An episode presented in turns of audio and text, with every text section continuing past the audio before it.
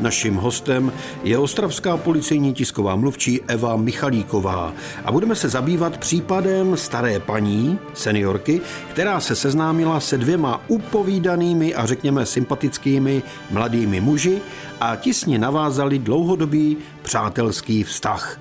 Říkali jí babičko. Cílem ale bylo jediné, dostat se k jejím úsporám a to tak, že jim je sama půjčí. Ano, je to 76-letá žena, která byla těmito muži oslovena před Kauflandem, kdy ji požádali o peníze. Samozřejmě než jí ale požádali o ty peníze, tak eh, si s ní ze začátku povídali, následně ji oslovili babičko, což se ženě líbilo a myslela si, že jsou její přátelé, že jsou její noví kamarádi a postupně si získali její důvěru.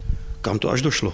Došlo to tak daleko, že si vymínili telefonní čísla, řekli, že potřebují peníze pro svou potřebu, pro rodinu a jestli nějaké nemá. Žena měla u sebe pouze nějakou část drobných, tak jim to poskytla v domění, že jí to bude vráceno. Poté si domluvili, že si teda zavolají a případně si dají další schůzku. A vrátili jí to? Peníze jí bohužel do dnešního dne nevrátili. Mimo to si půjčili daleko více. Ono to vlastně pokračovalo a vygradovalo tím, že těch hovorů bylo několik, můžeme říct desítky hovorů rozhovoru, kdy jí volali, povídali si s ní a opravdu v ní vyvolali takovou důvěru, že žena opakovaně chodila do bankomatu, vybírala peníze a několik eh, tisíc korun jim po každé půjčila v domění teda a se slibem, že muži, jakmile budou mít peníze, tak jí ty peníze vrátí. Peníze samozřejmě pořád neměli, neměli a pořád chtěli víc peněz. Žena už teda uvedla, že peníze nemá, ale že má doma zlato. Takže si dali další schůzku, samozřejmě se scházeli v restauracích, různě po eh, venku, po lavičkách a ona následně jim dala peníze, anebo nakonec teda i to zlato. Ten příběh asi pokračuje tím, že žádné zlato nevrátili. Nejenom to, že zlato nevrátili, ale přišli zase s tím, že potřebují další peníze. Tak vymysleli to, že by si žena mohla vzít půjčku v hodnotě 20 tisíc korun a ty peníze jim půjčí. Posloucháte seriál Bezpečný průvodce džunglí zločinu s ostravskou policejní tiskovou mluvčí Evou Michalíkovou. Ona jim opravdu uvěřila.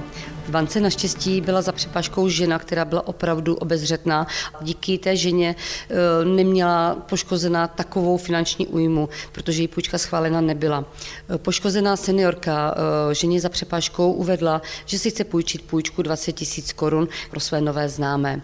Během toho vyřizování té půjčky jí několikrát muži volali, tudíž pracovnice banky vzala podezření, že by se mohla stát obětí podvodného jednání například a zjistila, zjistila, že na účtě v poslední době měla velký úbytek peněz a nezbylo jí téměř na zaplacení ani inkasa, ani na běžné potřeby. Poté policisté eh, přijali oznámení od banky, že mohlo dojít k možnému protiprávnímu jednání právě na klientku banky, což se ve skutečnosti potvrdilo. Paní přišla o peníze, o zlato, o všechno? Škoda tam byla vyčíslena okolo 90 tisíc korun, ale přesto musíme říct, že kriminalisté v průběhu toho prověřování čas zlata zajistili a ženě bylo vráceno. Takže nakonec pro ženu ta ztráta nebyla až tak eh, velká, protože tam měla sudní prsteny, měla tam takové ty památeční zlaté kousky, takže ta škoda pro ní naštěstí v tomto byla taková přijatelnější.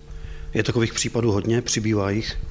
Určitě je evidujeme, určitě se s těmito případy setkáváme, proto je potřeba o tom stále mluvit a připomínat lidem eh, takovou tu zdravou prevenci, aby opravdu nikdy nekomunikovali s cizími lidmi, nesvěřovali jim své osobní věci, nedávali jim peníze, zlato, případně když se s někým takovým seznámí a chtějí po nich takové věci, aby se opravdu svěřili příbuzným, přátelům, kamarádům, dětem a předešli tak možnému poškození.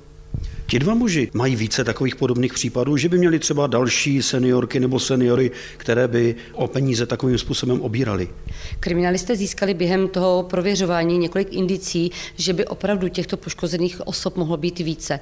Proto se i vlastně v souvislosti s tím obracím prostřednictvím vašeho rádia na možné poškozené osoby. Zda se nesetkali s dvojicí 35-letého a 46-letého muže, kteří obdobným způsobem mi mohli oslovit. Mohli to mít pod růz různou legendou, například pro svoji rodinu, pro opravu kotle, pro jiné výdaje si takhle tímto způsobem mohli říct o peníze, o zlato, případně také o půjčku.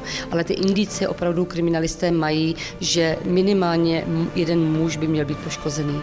Bezpečný průvodce džunglí zločinu.